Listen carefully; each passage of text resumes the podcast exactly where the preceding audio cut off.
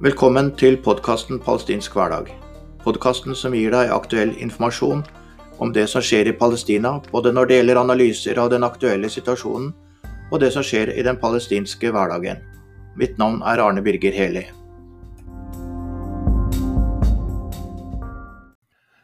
Det starter nå en ny podkastserie i palestinsk hverdag.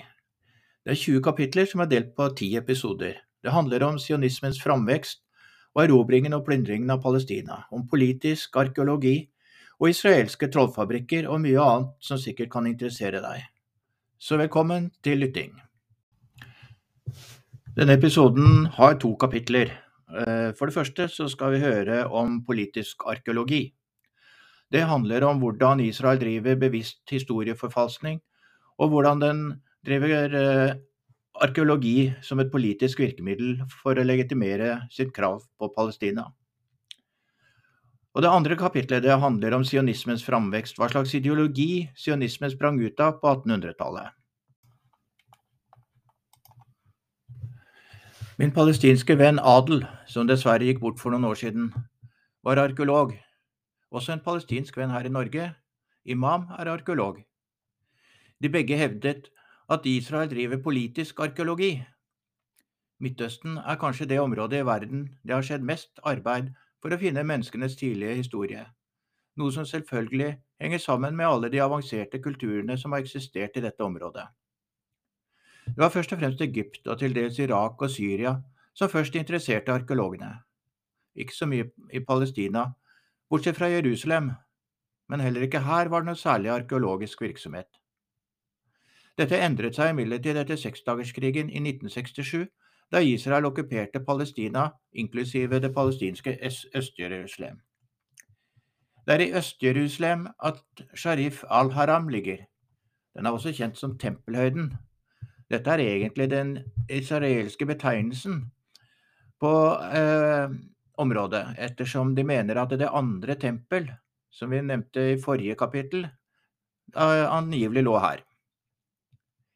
På Haram al-Sharif, som er et platå på en ås midt i Jerusalem, finnes al-Aqsa-moskeen i den ene enden og den kjente klippemoskeen med sin forgylte kuppel i den andre enden.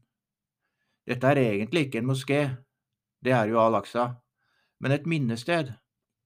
Ifølge både Bibelen og Koranen var det på dette stedet Gud ba Abraham ofre sin sønn Isak for å vise hengivenhet. Men da Abraham løftet kniven, stoppet Gud ham da han så at Abraham virkelig ville ofre sin sønn. Nå har du vist meg din hengivenhet, sa Gud, og Abraham kunne skåne sin sønn. Seinere hevdes det at det var akkurat her profeten Muhammed startet sin himmelferd. Det skal visstnok være et fotavtrykk på en stein etter hendelsen. Jeg har prøvd å komme inn i Klippemoskeen, som er et utrolig vakkert byggverk, men jeg ble stoppet, her kommer bare muslimer inn. Jeg påstod at det var det jeg var, men uh, uten at vakta lot seg særlig imponere av påstanden. Med politisk arkeologi menes i dette tilfellet at israelsk arkeologi handler først og fremst om arkeologi som kan bevise og styrke Israels såkalte historiske rett på Palestina. Arkeologisk virksomhet i Palestina ble umiddelbart lagt under det israelske militæret sine bestemmelser etter okkupasjonen, noe det fortsatt er. I det såkalte C-området i Palestina, som utgjør altså da 60% av Vestbredden etter Oslo-avtalen, vi skal komme inn på Oslo-avtalen seinere. Her har palestinske forskere og arkeologer ikke adgang, selv om det altså er i deres eget land. Når en leser hjemmesidene til det israelske ministeriet for arkeologi, får man et godt inntrykk av hva begrepet politisk arkeologi betyr. Israel har naturlig nok en antikvitetslov, den er annet ansvarlig for de historiske stedene i Judea og Samaria, altså Palestina, da, og skal ta vare på historien og verdensarven for både kristne, jøder og muslimer, hevdes det. De skriver at området er hjem for om lag 2600 arkeologiske og historiske steder. Da er det interessant hvilke steder som nevnes spesifikt. De nevner elleve steder, hvorav åtte er jødiske. I april 2020 utga Denver Journal of International Law and Politics en artikkel som gikk grundig gjennom forholdet til Israels virksomhet i Palestina. Det er Haag-konvensjonen av 1954 artikkel 4 og 5 som regulerer beskyttelse av kulturell eiendom under væpnet konflikt, og det administreres av UNESCO. Her framgår det bl.a. at en okkupantmakt ikke har adgang til å tilegne seg noe som handler om den okkupertes kulturelle og historiske arv. Israel har sluttet seg til konvensjonen, og Palestina ble medlem av UNESCO i 2011. I den nevnte artikkelen beskrives hvordan Israel har ført tusenvis av historiske gjenstander ut av Palestina.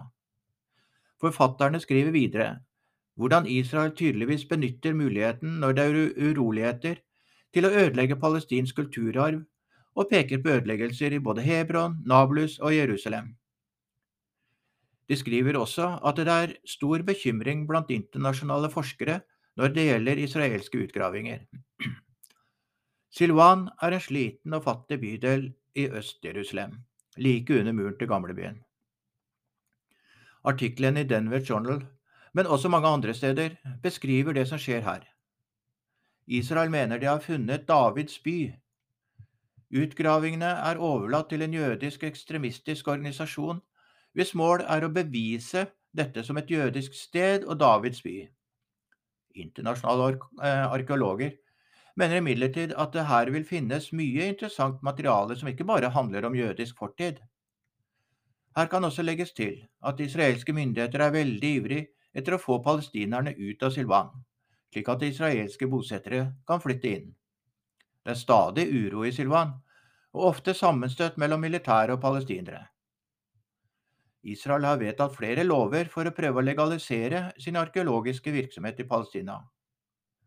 En kan også snakke om en slags antiarkeologi, altså at man prøver å utslette kulturminnesmerker og historiske steder. Noga Kadman, Aitan Bronstein og Ali Abu Raya fra den israelske organisasjonen Sochrot har gjort mange undersøkelser når det gjelder palestinske landsbyer og steder som eksisterte før den massive palestinske flukten og utrivningen i 1948–49.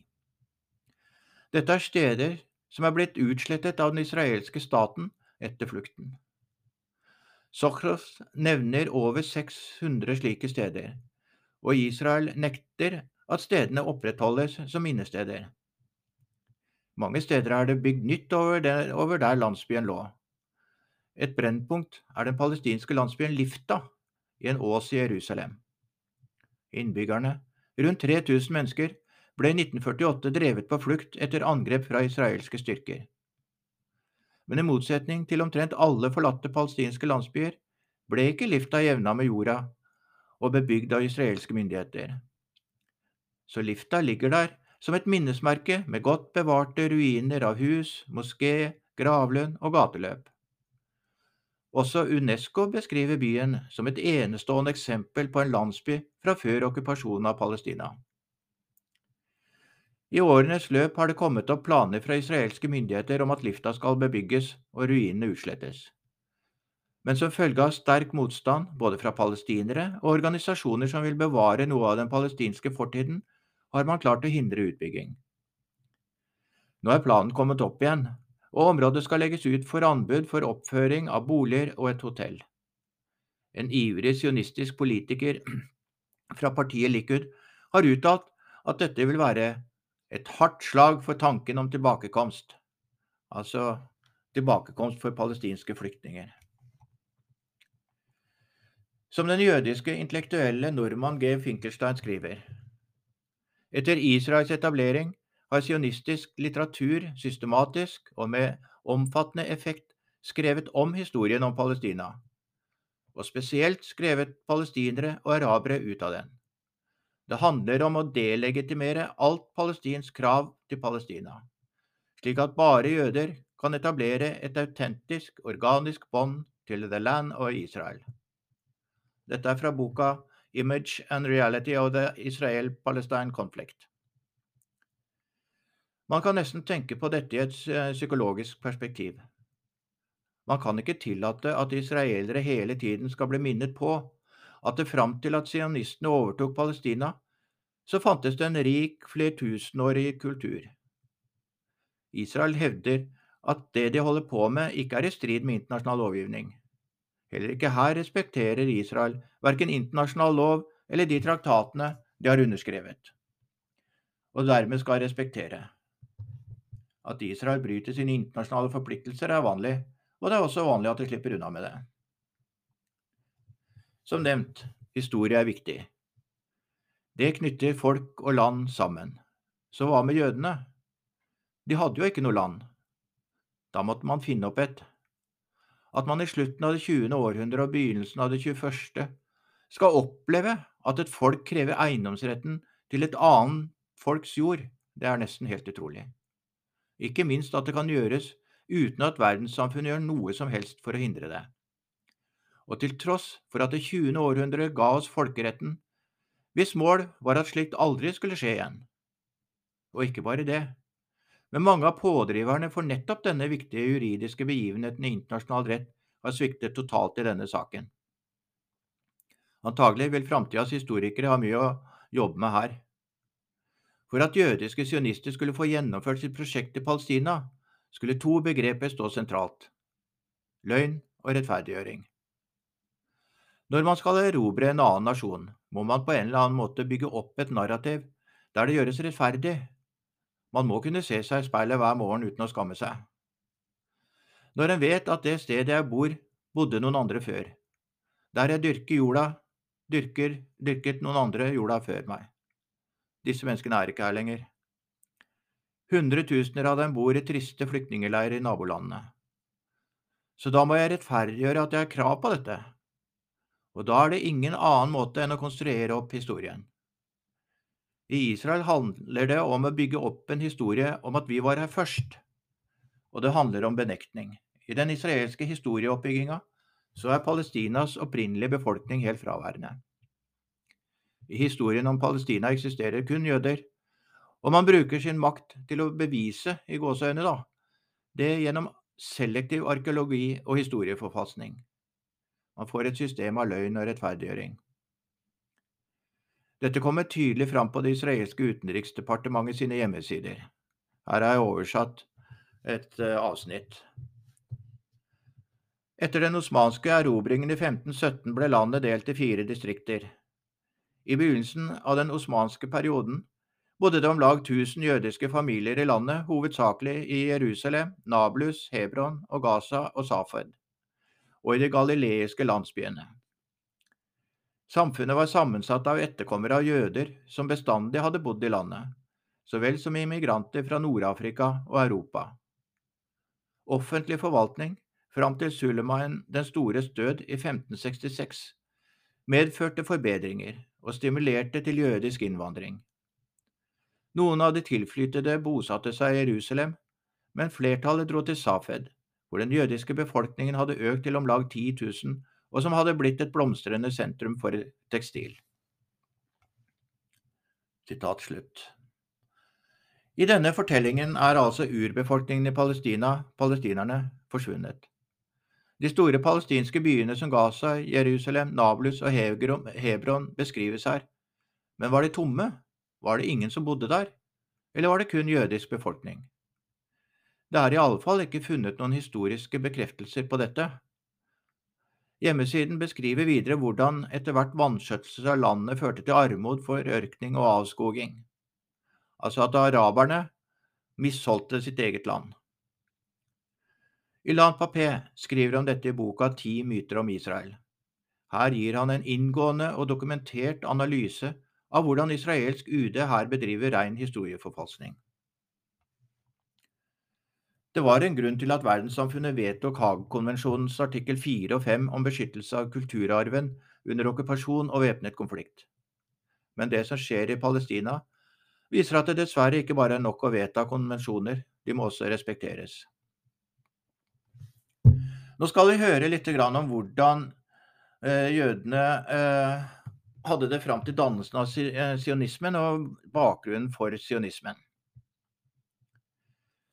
Israel henter sin historieforståelse i stor grad fra Det gamle testamentet i Bibelen. Det er jo herfra man henter historiene om Abraham og hans sønner, utvandringen fra Egypt, Moses og steintavlene. Også kong Davids historie, som er sentral for jødene, det er hentet fra Det gamle testamentet. Man bruker Det gamle testamentet nærmest som en sann historiebok. Dette er for så vidt ikke så særegent. Fram til midten av 1800-tallet trodde jo folk stort sett på tusser og troll, myter og eventyr. Og både kristne og jøder var Bibelen nærmest å lese som en historiebok som skrev både om fortid og framtid, både om det som har skjedd og det som skal skje. Dette står jo sentralt i sionistisk ortodoks jødedom den dag i dag. Se for eksempel den israelske uavhengighetserklæringen fra 1948 som ble gjengitt i forrige episode. Men dette har også selvsagt vært under debatt. Isak Jost var en tysk jøde som var tidlig ute med å se jøder i en større sammenheng. Allerede i 1820 kom det første av flere bind om jødenes plass i Europa. Han var ikke så opptatt av hvor jødene kom fra, ettersom han mente at jødene i all hovedsak hørte til i det samfunnet de var en del av. Jødene, skrev han, elsket sine søsken i Jerusalem og ønsket dem fred og framgang, men de elsket sitt hjemland høyere. De ba med sine blodsbrødre, men gikk i krigen med sine landsmenn. Hans viktigste verk, israelittenes historie, ble aldri anerkjent og heller aldri oversatt til hebraisk. Hans arbeid bekreftet ikke jødenes utdrivelse fra Palestina, og passet dermed ikke inn i det sionistiske historiske prosjektet. Men det var en annen som var veldig populær, en som het Heinrich Greitz. Han skrev Jødenes historie fra de eldste tider til i dag. Han brukte Bibelen nærmest som en ren historiebok, der beskrivelsene herfra gjengis som en sekulær historiebok. Dette verket til Greitz kom til å stå svært sentralt på mange måter. Boka ble brukt av de tidligste jødiske bosetterne i Palestina på 1880-tallet som en rettledning på hva som skjedde hvor i forhold til de bibelske tekstene. Men han så også jødene som et folk, altså som en nasjon. Han var jo ikke selv sionist, sionismen kom noe seinere, men han var en sentral person som la premissene for det som skulle skje. Det er mange gater og torg i Israel som er oppkalt etter ham, Greitz var tysk, og i midten av 1800-tallet var tankene rundt om i Europa svært sentral, sentrale rundt nasjonsbegrepet. Ikke minst i Tyskland, som vi har oppdelt i en rekke småstater, men samlet til et forenet Tyskland i 1871. Jødene bodde stort sett i byer i Europa, ettersom de fleste, de fleste land ikke hadde lov til å ha jord. Det betydde at de raskt ble trukket inn i ideologiske og politiske diskurser, og også tok aktivt del i dem. Slik som vi så i debattene om nasjonen som rammen om et folk. Disse diskursene utvikla seg også i en farlig retning, noe jødene deltok i, men som seinere skulle bli så skjebnesvangert for dem. For hva slags mennesker skulle inngå i en nasjon? Jo, de som var av samme ett og rase, det var Tyskland for tyskere, Frankrike for franskmenn og Norge for nordmenn. Så ble dette tatt videre, nemlig at det var forskjell på raser også. Noen raser var bedre enn andre, noen raser var degenerert fra fødselen av, mens andre var overlegne. Fokuset ble flyttet fra kultur og språk til blod og ett. Og da hadde jødene et problem. De hadde jo intet land eller nasjon som ramme og kulturen og språket var jo fordelt på store områder, noen i Marokko, andre i Ukraina og noen i Tyskland. Dette tankegodset ble også inkludert hos jødiske intellektuelle. Når man fokuserte på blod og ett, hadde man løst problemet med at jødene var spredt rundt i mange forskjellige land. Alle jøder stammet fra utdrivelsen av Palestina. Dette var et viktig premiss, ellers så ville jo ikke teorien holde. En annen tanke blant enkelte jøder som var opptatt av ett og jord, var ganske så spesiell. Ja, de mente at antisemittisme egentlig var naturlig. Jødene hørte jo egentlig ikke til i de landene de var, de var et fremmedelement. Den jødiske eh, historikeren eh, Shlomo Sand, som vi møtte også i forrige episode, eh, framholdt at de europeiske jødene deltok i og var en viktig del av det sentrale tankegodset på slutten av 1800-tallet og første halvdel av 1900-tallet. Et tankegods som la grunnlaget for så mange tragedier, som satte rasisme, fascisme og tanker om blåt om båden i system. I en tidlig fase kunne de jo ikke vite hvilke følger dette skulle få for dem selv, men samtidig la dette mye av premissene for hvordan de betraktet Palestina og palestinerne. Dette var i imperialismens glansdager, og en araber i Palestina var neppe mer verdt enn en neger i Afrika. Å forstå at man måtte forholde seg til Palestinas egne innbyggere, var ganske så fjernt. Det er viktig å huske dette i eh, sionistenes videre kamp for å overta Palestina. Sionistene var ikke bare jøder, men de var først og fremst europeere, og med europeernes syn på ikke-europeere som tilbakeliggende samfunn uten noen selvstendig verdi. Theodor Herzl ble født i en jødisk familie i Budapest i 1860, men i hans ungdomsår flyttet familien til Wien. Der utdannet han seg til jurist Imidlertid interesserte ikke jussen ham så veldig mye, han likte bedre å skrive. Han var ganske lite opptatt av jødesaken. Han tilhørte jo selv den delen av jødene som opplevde lite jødehat. For ham handlet det om at jøder burde assimileres som borgere i det landet de bodde. Herzl var svært opptatt av tanken om nasjoner, og særlig stod tysk kultur ham nær, og han beundret mye av det tyske. Han fikk etter hvert skrive for diverse aviser og tidsskrifter, og kom til slutt til Paris som korrespondent for Freie Neue Presse. I 1894 ble den jødiske offiseren Dreyfus stilt for domstol i Paris, anklagd for spionasje, noe som vekket den slumrende antisemittismen i landet. Hartzell ble sjokkert over styrken i dette jødehatet, og bestemte seg for å vie sin tid til å støtte jødesaken. I 1896 kom hans hovedverk Jødestaten, der Judenstadt. Herzl tror ikke lenger på noen assimilering. Jødene vil bli straffet og forfulgt uansett hvor de er. Når det finnes så mye jødehat i en kulturstat som Frankrike, da er det håpløst, skriver han. Nå følger han i fotsporene til de som begynte å skrive om en jødisk nasjon noen tiår tidligere. Men han går et skritt videre. Jødene må ha sitt eget land, en geografisk enhet. Han peker på Argentina. Få mennesker på et enormt område. Når det gjelder Palestina, som jo kunne være naturlig, anser han det som uaktuelt. Ja, faktisk advarer han mot dette og skriver Viktige eksperimenter i kolonialisering har gitt veldig dårlig resultat.